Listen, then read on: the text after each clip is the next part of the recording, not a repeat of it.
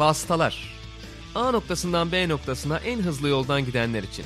Malisel Işık, Barkın Kızıl ve konukları motor sporları gündemini değerlendiriyor. Sokrates Podcast'a hoş geldiniz. Vasıtaların yeni bölümüyle karşınızdayız. Ben Barkın Kızıl, Malisel Işık'la beraber yine Formula 1 gündemi ağırlıklı olmak üzere yarış takviminin nabzını tutmaya çalışacağız. Hoş geldin Mali. Hoş bulduk. Hemen başlıyorum zaman Hemen kaybetmeden. başla.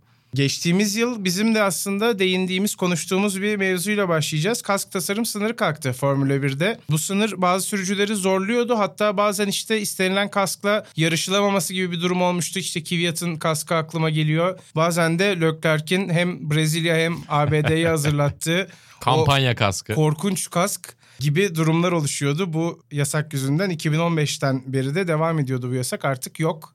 Herhalde tasarım anlamında ve özgürlük için biraz daha faydalı bir gelişme olduğunu söyleyebiliriz Formula 1 için. Ya tabii ki çünkü baştan hiçbir manası olmayan bir kısıtlamaydı. Ya, yas- yasak gibi de değildi çünkü kimse aslında yasağı delmeye kalkmadı. Hamilton'ın Malezya Grand Prix'sinde 2015'te olabilir 16'da olabilir emin değilim. Çok güzel bir kaskı vardı Petronas renklerinde böyle mavi ağırlıklı üstüne yeşil detaylı. Ya kimse şey demedi ya ben bunu kullanıyorum istiyorsanız diskalifiye edin demedi. Aslında dense zaten kendi kendine belki dağılacak bir kısıtlamaydı yasaktı. Ya bir de bir taraftan spikerler için veya yerinden izleyenler için de bir zorluk değildi kaskların farklı olması. Çünkü araçların üzerindeki o T-Cam'deki renkler zaten pilotun takımın birinci mi ikinci mi pilotu olduğuna dair sana bir şey veriyor. Siyahsa işte birinci pilotu, e, neon yeşilse ikinci pilotu olması lazım emin olmamamla birlikte de aslında biraz olumlamış oldum kask yasağını ama ya bir taraftan bunların hepsi sosyal medya çağında paylaşılabilir içerikler olduğu için yeni bir kaskla geliyor olması bambaşka bir etkileşim noktası getiriyor. Çok gereksizdi, iyi oldu. Ben şeyi çok merak ediyorum. Ya etrafından da güzel dolaşılabiliyordu. Sebastian Vettel çok ufak değişiklikler yapıyordu ana kask tasarımının etrafına.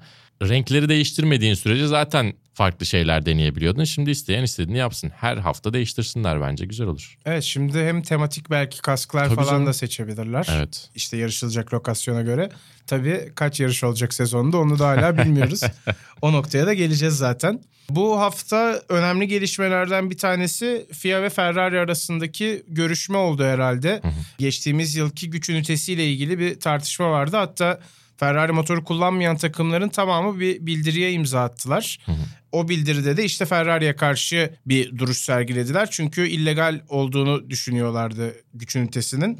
FIA da muğlak bir açıklama yaptı aslında. Kimseyi çok fazla tatmin etmeyen bir açıklama oldu.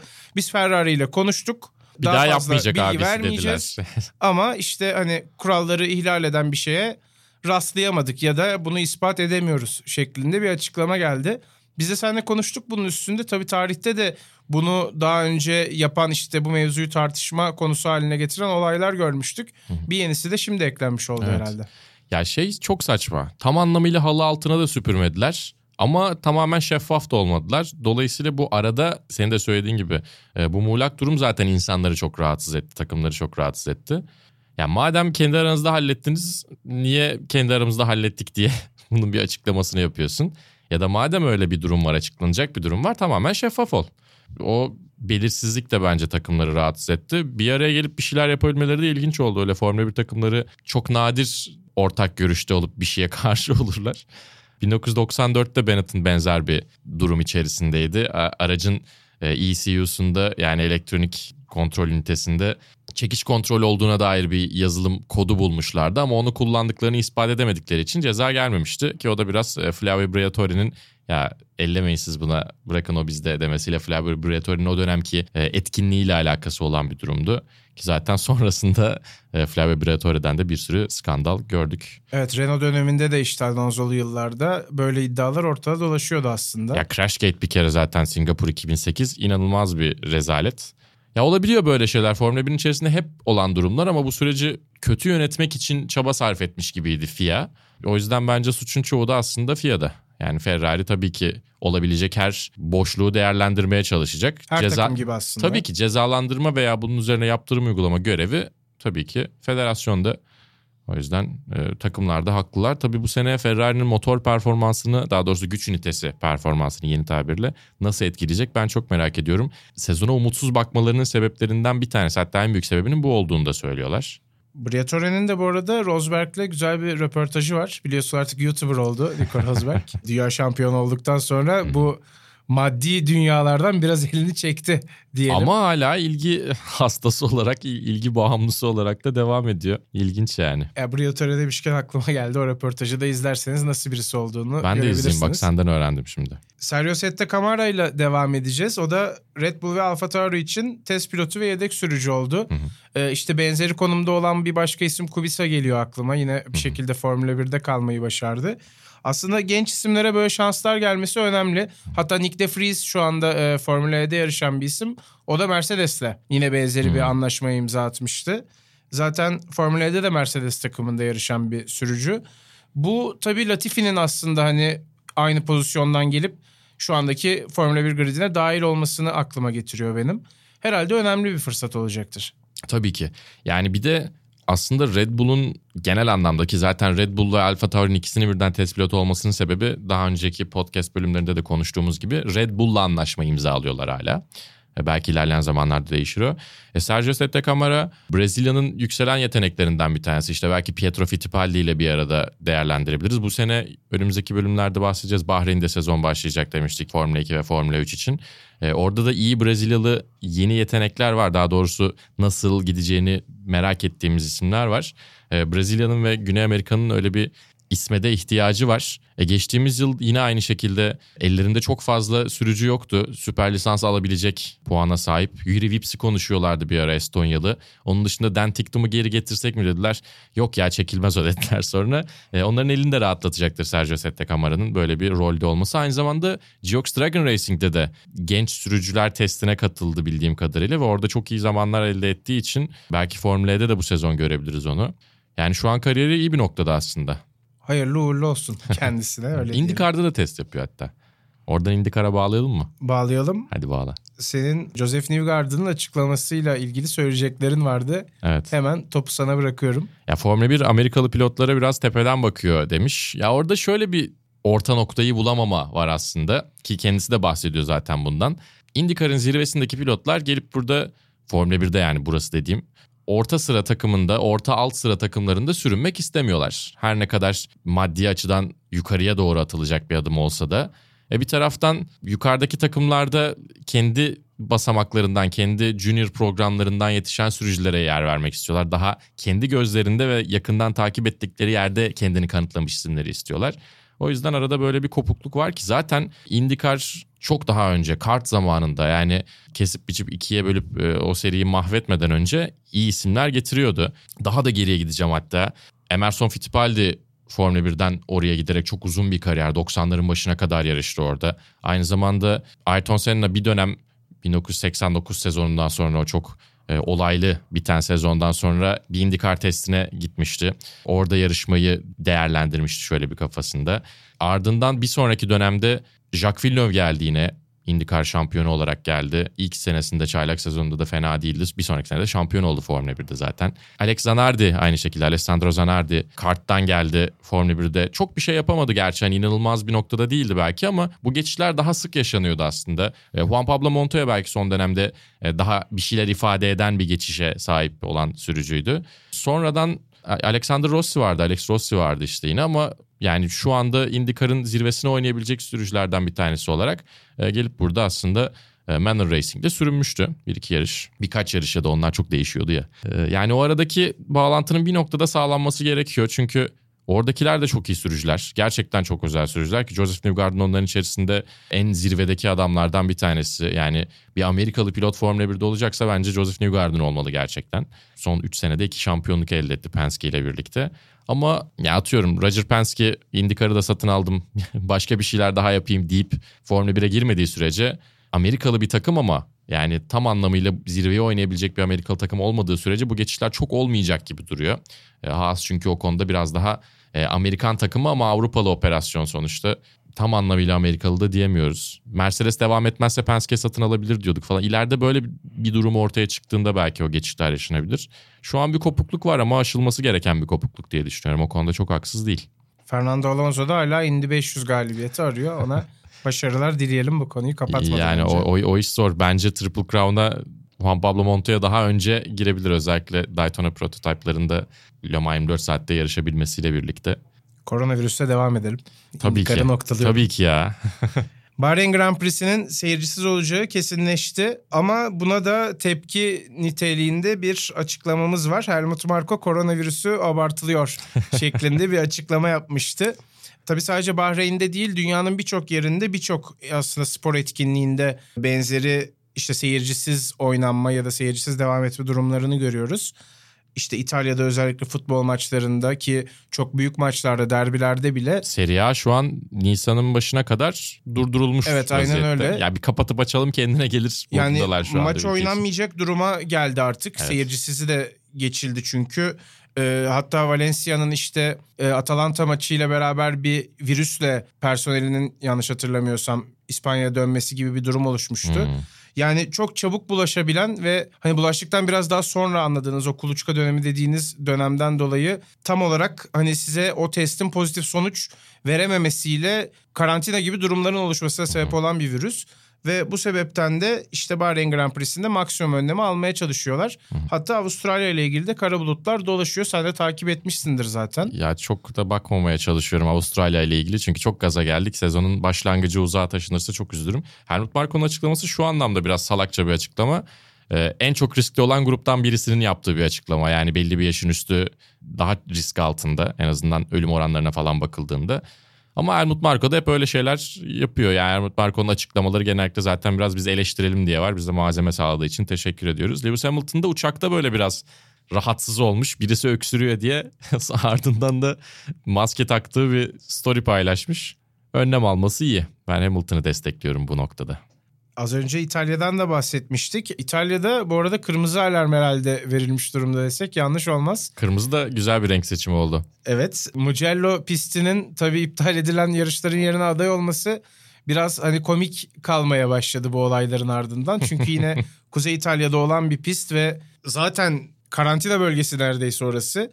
Ve şu anda İtalya tamamen teyakkuza geçmiş durumda. Ferrari gibi işte büyük dünya çapında firmaların ya da şirketlerin bu bölgeden ayrılıp geri dönmeleriyle ilgili özel bir izin çıktı. Zaten Ferrari de bu şekilde gidebiliyor olacak Avustralya'ya. Zaten Ferrari cephesinde de konuşulan bir konuydu. Binotto işte bazı garantiler istemişti bizim orada karantinada kalmayacağımıza dair bize nasıl bir güvence verebilirsiniz gibi. Bu kriz herhalde devam edecek gibi gözüküyor. Öyle yani yaza kadar en iyi ihtimalle yaza kadar bizi meşgul edecek. Ya bir de bir taraftan şampiyonanın vaziyeti gidişatı ya da olabilecek en kötü senaryolar açısından işte biz seninle konuştuk nedir durum diye. Sevgili Serhan Acar'a sorduk. O bizim için söyledi bilgileri. Çünkü şey yani sportif regülasyonlar içerisinde araştırıp bakmak gerekiyor. O da çok şey yani hani bilen birine soralım dedik. Araştırıp aradan böyle satır arasından yakalamak için. E, o da şey dedi kurallarda şampiyon en az 8 yarıştan oluşur diyormuş. Ve e, 15 yarıştan az yapılırsa da televizyonların FOMA ve Liberty Media ödeyeceği ücretler düşüyormuş. Yani belki 8 yarışın altına zaten ineceğini düşünmüyorum ya da o belki değiştirilebilir bir motorsporları konseyi toplanır. Yine dünya şampiyonası formatını korurlar. Dünya şampiyonası adını korurlar ama 15 yarışın altına inmesini de hiç istemeyeceklerdir diye tahmin ediyorum. 22 ile başlamıştık. Şu an Çin bir yere çok girecek gibi durmuyor. 21'e indik gibi. Evet bence. E, ne kadar azalacak göreceğiz ama Formula 1 en azından bu durumda bir tık daha iyi gibi duruyor. MotoGP'ye daha sonra bakacağız. Orada durum daha vahim sanki. Formula 1'de tabii Ferrari ve AlphaTauri İtalyan çıkışlı takımlar. MotoGP'nin de İtalyan ağırlıklı bir aslında kadrosu olduğunu söylemek Tabii lazım. ki orada çok daha kalabalık bir de yani Moto2, Moto3 takımları falan derken daha sıkıntılı bir durum var. Oraya geldiğimiz zaman tekrar zaten bu konuya döneceğiz ve artık yavaş yavaş Avustralya Grand Prix'si için bir ön bakış atmanın vakti geldi. Öncelikle beklentini sorayım Ali biraz dışına çıkalım akışımızın. Nasıl bir yarış bekliyorsun? Yani startı verilsin benim için yeterli. Her şeyden önce beklentimi çok düşük tutuyorum.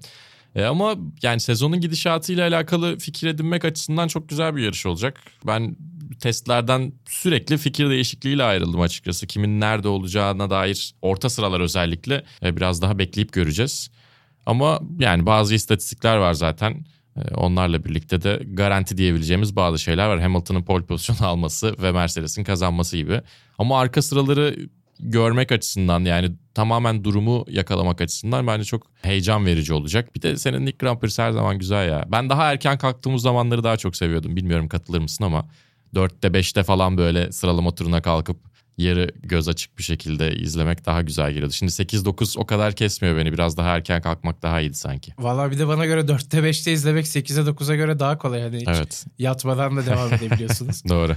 O yüzden evet keşke eskisi gibi olsaydı diyebilirim ben de. Ee, yağmur yağmayacağını öğrendik ve seyircisiz de olmayacağını aslında öğrendik. İki açıklama vardı Avustralya ile ilgili. Tabii geçtiğimiz yıl hatırlayacaksın Ricardo hemen yarış startında bir ön kanat kırmıştı. Evet. Ee, çim alana çıkıp sağ taraftan sonrasında aracına hasar vermişti. Kendi evindeki yarışta yine hayal kırıklığıyla aslında yarışı tamamlamış oldu. Ve onun da bir röportajı vardı Avustralya Grand Prix öncesinde YouTube'da. 17 dakikalık güzel bir röportaj. İzledik. Nasıldı sence? İzlenmeli mi? Ya Will Buxton'ın birebir röportajları zaten güzel. Bence o konuda çok iyi bir noktaya taşıdı kendini. Güzel şeylerden bahsediyor. Şu ana kadar en azından bir şampiyonluk beklerdim. Kariyerim güzel gitti tabii ki. Beklemediğim yerlere geldim. Burada olmak benim için çok ekstra diyor. Ama bu noktaya kadar da bir şampiyonluk beklerdim diyor. Bu işte Renault'a verdiği sürenin de ne kadar kısıtlı olduğunu, az olduğunu gösteriyor. Bence bu sene bir podyum görmezse en azından e, 2021'de başka opsiyonlara rahatlıkla bakacaktır diye tahmin ediyorum. Bunu konuşmuştuk galiba önceki programlarda zaten. Peki sence doğru tercihi yaptı mı Renault'a giderek? Yani ben bu geri adım olduğunu düşünüyorum bu hamlenin. Ya farklı bir tercih yaptı. Farklı bir şey yapmak ihtiyacı içerisindeydi. Takım kendisinin değildi artık Max Verstappen'in gelişiyle birlikte. Ama uzun vadede göreceğiz bunun doğru olup olmadığını. Şimdi yakalayamıyoruz şu an daha çok iyi aslında. Ama bu sezon çok belirleyici olacak bu kararın iyi olup olmadığı konusunda. Hem bizim anlamımızda yani bizim bakışımız olarak hem de tabii ki e, Daniel Ricciardo'nun kendisi için. Hani şöyle bir şey düşünmüş olabilir mi? Mercedes zaten ambargo koymuş durumda. Eğer Mercedes'e gidemiyorsam hangi takıma gidersem gideyim aslında şampiyonluk ihtimalim hani çok çok az. Gerçekçi olmak gerekirse. Belki biraz daha rahat olabileceği ve hani gerçekten belli adımlar atılacağına emin olduğunu o anda en azından düşündüğü bir takımla beraber Evet. yola devam etmiş olabilir gibi düşünüyorum. Ama yola en son böyle çıkan Fernando Alonso'ydu. Sonra McLaren'da ne kadar süründüğünü de gördük işte. Böyle bir riski de var aynı evet zamanda. aynen öyle. Ricardo Alonso kadar şanssız değil tabii ki ama yani görmek lazım. Tabii Avustralya'dan bahsetmişken bu sezonla beraber yeni aslında eğlencemiz diyelim. Fantezi Ligi'ni de hatırlatalım. Evet. Ee, Fantezi Ligimize katılmak için Formula 1'in kendi fantezi oyunundan vasıtalar şeklinde aratarak ligi bulabilirsiniz. Biraz istersen onun da formatından bahsedelim Mali. Ya format da eğer daha önce Fantasy Premier Lig izlediyseniz hakim olduğunuz bir format. Çünkü kullanabileceğiniz o ekstra çipler çok benziyor. E, sezon içerisinde iki wild card var. Yani bütün kadroyu herhangi bir ceza almadan, puan cezası almadan değiştirebildiğiniz iki şansınız var. Birisi Macaristan yarışından önce yani takım böyle kalırsa tabii. Diğeri de Macaristan yarışından sonra olmak üzere. Ya güzel bir denge yakalamak gerekiyor. Birkaç tane yine e, analiz var. Biri Medium.com üzerinden sürekli güncellenen geçtiğimiz yıl ilk defa yapılmıştı. Oradaki verileri kullanarak e, yapılan bir rehber. Onlara bakabilirsiniz. E, sen kadronu söylemeyeceksin değil mi? Yok. Ben söyleyeyim madem madem öyle şey yapmayalım. Ya Lewis Hamilton herkeste var büyük ihtimalle zaten sezona başlarken. Takım olarak neyi seçsek konusunda ben biraz böyle bir ikilem yaşadım ama e, Lewis Hamilton ve e, Mercedes'le başlıyorum. Bu arada 5 sürücü bir takım seçiliyor onu da hatırlatalım. Evet aynen öyle. Tabii Lewis Hamilton ve Mercedes'e bütçenin bir kısmını verdikten sonra geri kalan kısımlarda biraz daha ekonomik ve akıllı davranmak gerekiyor. Takım arkadaşına göre performansı yüksek olan pilotlar çok avantajlı olduğu için herkes de George Russell'da olacaktır diye tahmin ediyorum. Çünkü e, Nick Latifi sezonun çoğu yarışında e, geçmesini bekliyoruz. Onlar ekstra puan getiriyor ve fiyat performans oranı en yüksek pilotlardan biriydi geçtiğimiz yılda George Russell. Aynı zamanda eldeki bütçeyle birlikte e, bir Pierre Gasly koydum. Alfa Tauri'yi bekliyorum açıkçası. Drive to Survive'in gazına gelmedim tabii ki. Geçtiğimiz bölümden de biliyorsunuz pek bizi gaza getirmedi. Ee, onun dışında Sergio Perez yine herkeste olacaktır. Çünkü Racing Point bizi yine heyecanlandırıyor. Ee, onun yanına bir de Lance Stroll'u koydum ben. Bu hafta iyi işler çıkaracaklarını düşünüyorum ama kenarda da 3 milyonum var zaten. Onu sonraki zamanlarda biraz esneklik sağlasın diye getirdim. Ya biraz risk aldım, biraz temkinli davrandım işte. Yani bütçe açısından temkinli davrandım. Ama iki Force India ile daha doğrusu iki Racing Point ile de e, bir tık risk aldım. Bakalım ne olacak. McLaren ve Renault'a şans vermeyen Malisel Şimdilik. Ya çünkü sezon başında ne kadar iyi olacaklarını bilmiyorum. Sezon ortasına doğru kesinlikle düşüneceğim ama ya geçen sene bizi heyecanlandıran noktalar sezonun daha ilerleyen kısımlarında gelmişti özellikle McLaren adına. O yüzden biraz daha takımın değerini yükseltmeye bakacağım. Bu arada tabii e, pilotlar takıma alındıkça, diğer takımlara o transfer edildikçe yani e, pilot değişikliği yapıldıktan sonra fantazi oyuncular arasında değeri de artıyor takımın. Daha sonra o takımın artan değeriyle birlikte normalde size sezon başında size verilen bütçenin üstüne çıkabiliyorsunuz. Ben biraz onu oynuyorum şimdilik. Akıllı yatırımlar yaptığımı düşünüyorum. Evet lige katılmayı unutmayın. Herkese başarılar dileyerek bu konuyu da noktalıyorum. Hı hı.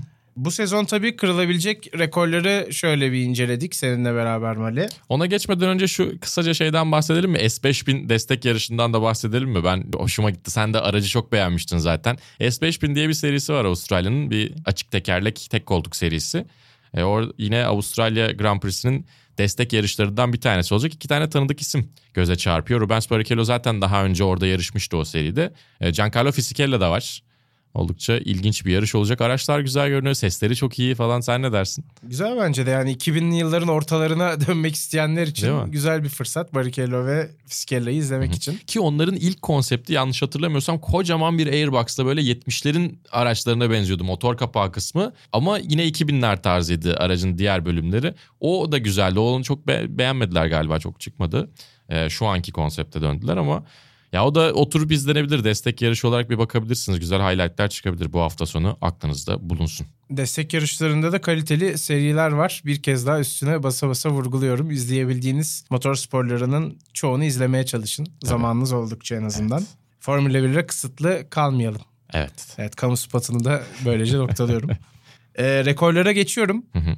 Lewis Hamilton ve Schumacher arasında 7 galibiyet fark kaldı ve Hamilton son 4 sezonunda 11-11, 9 ve 10 yarış kazandı. Yani 9'dan aşağıya inmedi son 4 yılda. Bu 7 farkın herhalde bu sezon kapanıp kapanmayacağıyla ilgili en büyük soru işareti de bir önceki günden başladığımız koronavirüsü olacak gibi gözüküyor. Çünkü tam koşulacak bir takvimde herhalde Alonso'nun, düzeltiyorum Hamilton'ın 7 galibiyet en azından alacağını varsayabiliriz. Yani kısaltılmış bir sezonda da alabilir şu oranlarla aslında. Ya büyük ihtimalle bu sezon Mia Schumacher'i çoğu oranda yani istatistiksel anlamda yakalayacak ve gerçekten tarihin en iyisi e, olma yolunda da ciddi bir adım atmış olacak. Bakalım yani şampiyonada da e, eşitleyebilir şampiyonluk sayısında 7. şampiyonluk gelebilir gibi duruyor. Açık ara favori olarak geldiği için. Ama daha da ileriye giderek ya daha doğrusu daha uzun vadeli bir bakış atarsak Lewis Hamilton'ın 100 galibiyet elde etme ihtimali de hiç düşük görünmüyor. Bu çok ilginç geliyor bana. Yani Schumacher'in 91 galibiyeti ulaşılmaz görünüyordu. Ama çok iyi bir rüzgar yakaladılar son 6 senedir. Ve işte bakalım ilerleyen zamanlarda da koruyabilecekler mi 2021 sonrasında. 6 sezon demişken tabii Mercedes'in de üst üste 6 şampiyonluğunu burada yine konuşmamız lazım. Ferrari'nin ve Mercedes'in eşitlik halinde olduğunu görüyoruz bu istatistikte ve yine Mercedes burada da bir adım öne geçmek için avantajlı olan taraf evet, şu anda. Arda takımlar şampiyonluğu Ferrari'nin Schumacher döneminde vardı. 99-2004 arası ki zaten 99'da da eğer Schumacher ayağını kırmasa büyük ihtimalle pilotlar şampiyon olacaktı. Ona rağmen takımlar şampiyonluğunu elde ettiler. Eddie Irvine özel bir çaba göstererek şampiyonluğu Mika Hakinen'e vermişti. Araç çok daha iyiydi aslında Ferrari'nin. E, Mercedes 2014-2019 arasında çok ciddi bir dominasyona sahipti ve o dominasyon devam edecek gibi de duruyor. E, tabii şöyle bir ufak istatistik daha var. 1968-74 e, arası şampiyon pilotlara 7 kez e, motor sağlayan Ford Cosworth'un rekorunu da yakalayabilir Mercedes ama bu çok iyi bir istatistik mi tartışabiliriz çünkü zaten gridin çoğunluğu Ford DFV motorlarını kullanıyordu o dönem. E, o yüzden aslında orana vurduğumuzda gridin ne kadarına motor sağladığına vurduğumuzda Mercedes'inki daha büyük bir başarı. Valla Mercedes'in bu performansı nereye gidecek ve hani nasıl devam edecek gerçekten ben de heyecan içinde merak ediyorum. Belki de Formula 1 tarihinin en başarılı takımı olarak böyle bir pencereyi geçirmiş olacaklar. Evet. Bu dönemin sonunda. Tabii hala en genç dünya şampiyonunu görme ihtimalimiz yüksek. Yani yüksek demeyeyim ama var. Var. Mercedes'te çünkü genç sürücü yok biliyorsun. Leclerc ve Verstappen ikisi de 1997 doğumlu isimler. Ve son bu rekoru elinde tutan kişi de Sebastian Vettel. Fernando Alonso'dan almıştı rekoru. Tabii ikisi de çok potansiyelli. Hem Leclerc hem Verstappen. Özellikle Red Bull'un bu yıl daha hızlı olacağını duyuyoruz işte sürekli olarak. Hı hı. Ve işte Verstappen'in o araçla bütünleşmişliği, takımın genelde bütün stratejisini Verstappen'in üzerine kurması, ayarları ona göre yapması belki. Onun yine şampiyonluk ihtimalini herhalde arttıran unsurlardan bir tanesi. Bence de. Bir de akıllarda hep şöyle bir soru var. Daha doğrusu Lewis Hamilton şampiyon olmazsa kim olur dediğimizde Bottas'tan önce belki Verstappen'i söyleyeceğiz bu sene. Herkesin bakışı öyle. Yani sezonun başlangıcından sonra tabii bir daha iyi göreceğiz tabloyu ama e, o açıdan bir fırsat oluşursa e, Max Verstappen değerlendirebilir gibi duruyor. Yani genç olmasına rağmen çok fazla tecrübe sahibi artık. Evet veteran oldu bayağı işte. Kaç beşinci sezonu mu oluyor? Altı mı oluyor? Podyum görmeye alıştı, Altı. yarış kazanmaya alıştı. Evet. Yani bu şartlarda tabii iyi de bir Red Bull olursa altında Hı hı. o zaman gerçekten güçlü bir aday olduğunu Gününde bir Red Bull lazım. mu dedin sen Evet, çaktırmadan gününde yoksa? bir Red Bull'la her şeyi başarabilir. Aynı zamanda Michael Schumacher'ın bir başka rekoru da yine tehdit altında. Ee, en çok yarıştan puan alma rekorunda Raikkonen ve Hamilton 213 puanda buluşmuş durumdalar. Hı hı. Ve Schumacher'ın 221'ini tehdit ediyorlar. Hı hı. Herhalde bunun da kırıldığını görme ihtimalimiz yüksek Çok gibi. büyük ihtimalle. Yani bu sene içerisinde görme ihtimalimiz yüksek. İlerleyen zamanlarda tabii ki kırılacaktır. En çok arka arkaya puan alma rekoru da Lewis Hamilton'da aynı zamanda. Başka bir 33'lük 30 33 yarışlık serisi vardı. Onu hala devam ettiriyor. İkinci bir seriyi devam ettiriyor. Kendi rekorunu egale etmişti. E, 2020'ye de bu seriyle başlayacak. Yani Avustralya Grand Prix'sinde bu rekor kırılabilir gibi duruyor. Yine koronavirüsünün tehdit ettiği bir başka rekorumuz en çok yarış startı. ee, Rubens Barrichello 322 yarış başlangıcı var. Raikkonen 312 10 yarış kaldı aralarında. Eğer hani takvim full koşulursa Avusturya'da bu rekoru kıracak Raikkonen. Artık keyif için yarışta herhalde su götürmez bir gerçek. Zaten Drive to Survive'ın sonunda da bir ufak spoiler veriyorum. Eğer e, izlemediyseniz çok ufak mute atabilirsiniz. Ben artık keyif almak için yarışıyorum. Hani eğlence için, hobi olarak bunu yapıyorum diyor Raikkonen. Ama bu sezonda tabii tam sezon olarak koşacak. En az bu sezonda bizlerle birlikte olacak bir yıl daha. Ki Formula 1'e ara vermesine rağmen böyle bir Grand Prix startı sayısına ulaştı. O açıdan da takdir edilesi çok uzun bir kariyer Kimi Raikkonen için. Ya bu sene bırakacak mı onu da bilmiyoruz. Belki devam edecek. O rekoru 400 yarış seviyesine belki getirebilir. Ki benim bildiğim motor sporları dünya şampiyonalarında 400 yarışa çıkan bir tek Valentino Rossi var. Ki o da zaten yaşlanmaya karşı duruşuyla bilinen isimlerden bir tanesi. Raikkonen de belki e, 350 yarış civarına gidebilir. Yani 400 tabii ki çok absürt olur. Yani 45 yaşına kadar yarışmaz diyemiyorum çünkü Kimi Raikkonen ama herhalde 400 yarış görmez. Ama 350 yarış civarı da hakikaten çok acayip olabilir. Max Verstappen işte bundan 10 sene sonra kırabilir belki 15 sene sonra. Evet erken başlamanın da tabii avantajları Çok var. çok evet. Raikkonen de erken başlamıştı. 21 yaşında kariyerine başlamıştı Sauber'de. O yarışı da izlemiştim hatırlıyorum. Vay be. Nostalji oldu biraz. Aynı Grand Prix'de en çok pole pozisyonu rekoru yine paylaşılan rekorlarımızdan bir tanesi. Ayrton Senna'nın Imola'da, Michael Schumacher'in Suzuka'da ve Lewis Hamilton'ın da Avustralya'da Albert Park'ta 8'er pole pozisyonu var. Az önce sen zaten pole pozisyonu alacağını söylemiştin fanteziyi konuşurken. Tabii. Ee, orada şimdi yani tek başına ele geçirmiş olacak bu rekoru ve daha da ileriye götürecek gibi gözüküyor. Herhalde Evet. Hamilton'ın bir 4 sene daha aktif yarışmasını bekliyoruz en azından. Bunlardan 3 tane bile alsa çok ulaşılamaz. Ayrı bir noktaya getirmiş olacak bu rekoru. Hızlıca geçelim istersen. Aynı Grand Prix'de en çok ardarda arda pole pozisyonu rekoru da çünkü söz konusu. Yine Hamilton'ın Avustralya'da 6 oldu. San Marino'daki Senna'nın 7'sini takip ediyor. Hı hı. Ya şöyle bir karşı argüman da verelim aslında. Sıralamadaki başarısına rağmen sıralama turlarındaki e, Hamilton'ın Avustralya'da sadece iki galibiyeti var. Onları galibiyette çevirmede problemler yaşıyor. Umarım e, kendisini fantazi takımıma almamla birlikte bunu da tersine çevireceğiz. Tabii sezon açılış yarışı olması bunda büyük etki sahibi bana sorarsan. İşte birçok bilinmez, tam kestirilemeyen problemler. Onların biraz canını sıktığını söyleyebiliriz Lewis Hamilton'ın.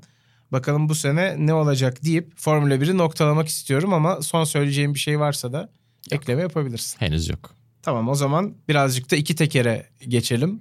MotoGP'de sezon açılamıyor biliyorsun. ee, Katar'da Moto2 ve Moto3 yarışları sona erdi. Hatta İzgecan'la beraber siz anlattınız yarışları. Ama işte main event yani ana etkinlik, ana yarış MotoGP yoktu Katar'da. Headliner'ımız yoktu. Ve tabii Katar'ın da aslında biraz bu koronavirüsü durumuna titizlikle yaklaşıldı, yaklaştığını söylememiz lazım. İşte önlemler almaya çalışıyorlar. Yurt dışından girişlerle ilgili kısıtlamalarda bulunuyorlar. Ancak Moto2 ve Moto3 takımları hali hazırda Katar'da olduğu için onların yarışmasına izin Evet, onlar verildi. sezon öncesi testte oradalardı. Ülke üstlerine kapandığında dışarıdan tabii ki MotoGP sürücüleri ve takımları gelemediler. Madem içeride kaldık neden yarışmıyoruz ki dediler. Aynen öyle oldu. Ki aslında o hafta sonunda bir noktaya kadar kurtardılar. Sezon başlangıcı havasını da vermiş oldular. Fena olmadı. Ama çoğu açıdan da eksikti. Bir de şöyle bir sıkıntı var. Biz işte İzge ile Sport'ta yayını kapatırken de söyledik. Bir sonraki yarışın ne zaman olacağı belli değil. En büyük sıkıntı o aslında. Hemen şöyle bir bakalım. Tayland Ekim'e ertelendi zaten. Yani sezon orada başlamayacak. Tayland'ın olması gereken noktasında başlamayacak. Ondan sonraki round Circuit of the Americas'ta Austin, Texas'tı. Orada South by Southwest iptal oldu ki Austin'in sene içerisindeki en büyük organizasyonu o aslında SXSW. Ciddi bir festival ve fuar aynı zamanda açık Neyse ki fuar. dayanıklılık yarışı yapıldı Evet. Kota'da. Çünkü çok Ucu yakın ucuna. tarihler aslında ucu ucuna geçmiş oldu. Hı hı.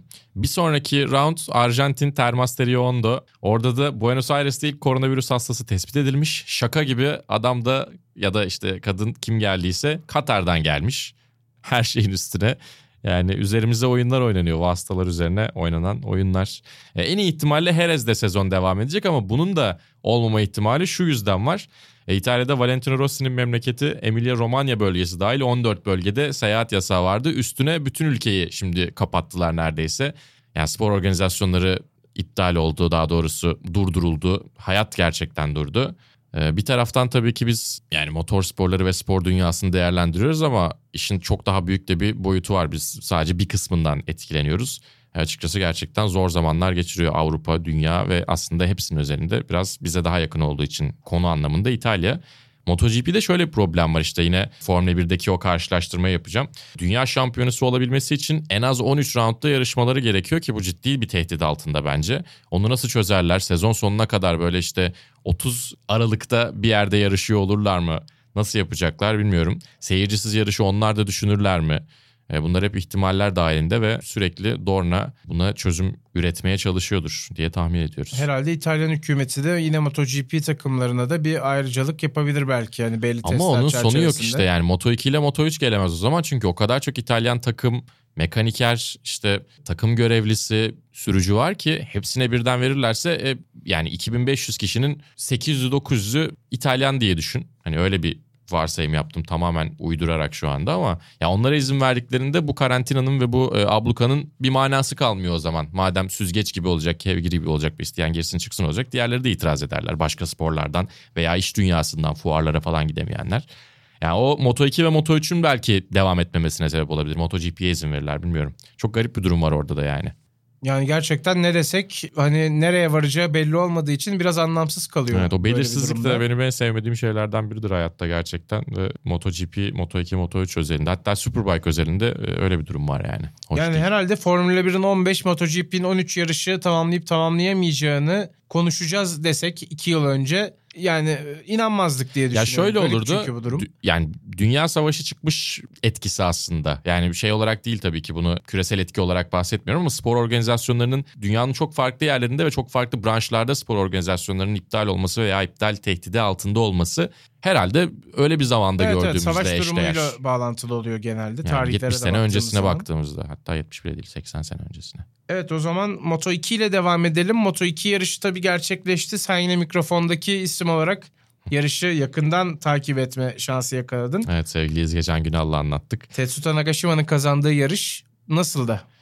Ya güzeldi çok keyifli bir yarış oldu gerçekten baştan sona yakın bir mücadeleydi. Yani liderlik grubu içerisinde sürekli işler değişti. 14. sıradan kalkıp yarışı kazandı. Çok acayip bir işti bence. Tabii Shoya Tomizawa'nın ilk Moto2 yarışını kazanmasından 10 yıl sonra yine aynı yerde Katar'da galip geldi. Shoya Tomizawa'yı da 2010'da yine aynı sene içinde e, Mizano'daki yarışta kaybetmiştik. E, galibiyeti de Tomizawa'ya adadı. Duygusal bir galibiyetti açıkçası Nagashima için. Moto 3'te de Deniz Öncü'yü izledik tabii ki. Evet, Geçtiğimiz programda Superbike'da Can Öncü'yü konuşmuştuk. Puan almıştı Can. Burada da Deniz aslında çok benzeri bir sonucu elde etti. Hemen onun da ilk performansıyla ilgili görüşlerini alalım. Bence gayet iyi bir performans sergiledi. 8. başladı.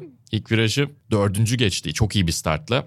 Ee, sonra gerilere düşmesine rağmen bir ara 17. sırada dahi gördük onu. E, 12. sırada ve en iyi ikinci çaylak olarak bitirdi. Jeremy Alcoba e, en iyi çaylaktı. 7. e, sırada yarış tamamladı. Hedef olarak da en iyi çaylak olmayı zaten takip ediyor şu anda. Hı hı, Aynen öyle. Yarış öncesinde e, Simon Crawford'a ufak bir röportaj vermişti Deniz. E, sezonu yarış yarış değerlendireceğiz. İlk resmi dünya şampiyonu sezonuma çıkıyorum demişti. Geçen sene wildcard vardı işte canın sakatlığı yerine e, yedek sürücü olarak yarışmıştı. En iyi çaylak olmaya çalışacağım demesi çok gerçekçi bir hedef bence ve ben olabileceğini düşünüyorum. Çok iyi başladı yani gerçekten. Moto 3'ü de kısaca geçmiş olduk böylece. Bir diğer motorspor etkinliğimizde Dünya Rally Şampiyonası olacak. Ee, Meksika rallisi Guanajuato'da Leon şehrinde başlayacak. Ve tabii rally deyince aslında İsveç benim aklıma geliyor bu sezon. işte kar yağmaması sebebiyle Ah çok Greta. kısalan bir rally vardı. Hı hı. Aslında belki buna da bir alternatif düşünülebilirdi ama işte o İsveç'in karlı rally konseptini bozmak istemediler benim anladığım kadarıyla. Evet. Sebastian Ogier de 6. galibiyetini arıyor. Löp'le 6'şarda eşit durumdalar. Yok. Ojen'inki 5, Löb'ünki 6 şu anda. Ha, peki doğru söyledin. A- Ben arıyorsa cümleyi öyle zaten- yazdığım için Arıyorsa tabii, zaten doğal olarak 5 olması lazım. Bulursa Haklısın. eşitlenecek. Doğru söylüyorsun. E, Löb de bu sene Meksika'da yok. Evet ya Monte Carlo'da çok iyi bir performans sergilemediği için sezonun geri kalanında biraz daha az rally'e çıkma kararı alacak galiba. Çünkü normalde Meksika'yı sever zaten belli galibiyet sayısından da ama hep e, yarım sezon yaptığı yıllarda da işte sezonlarda da Meksika'yı mutlaka yazıyordu oraya. Buraya gelsin ya Marmaris'e gelsin. Boş ver Meksika uzak. Yani hem Ogier'i hem Löb'ü izlediğimiz de bir seri olması anlamında tabii, Tabii, Dünya. Rally Şampiyonası gerçekten çok büyük yıldızlarıyla bence şu anda öne çıkıyor. Tarihte de önemli dönemlerinden bir tanesini geçiriyor diyelim. Ve yavaş yavaş noktalayacağız. Hadi noktalayalım. Vasıtaların ikinci sezonun üçüncü bölümü. Evet. Toplamda da 18. bölümü. Sende erdi. matematik kafası var Barkın. Teşekkür ederim. Ben Varkın Kızıl, Malis Erişik'le beraber bu keyifli muhabbette sizlerle birlikteydik. Bir sonraki hafta tekrar görüşünceye dek hoşçakalın. Hoşçakalın.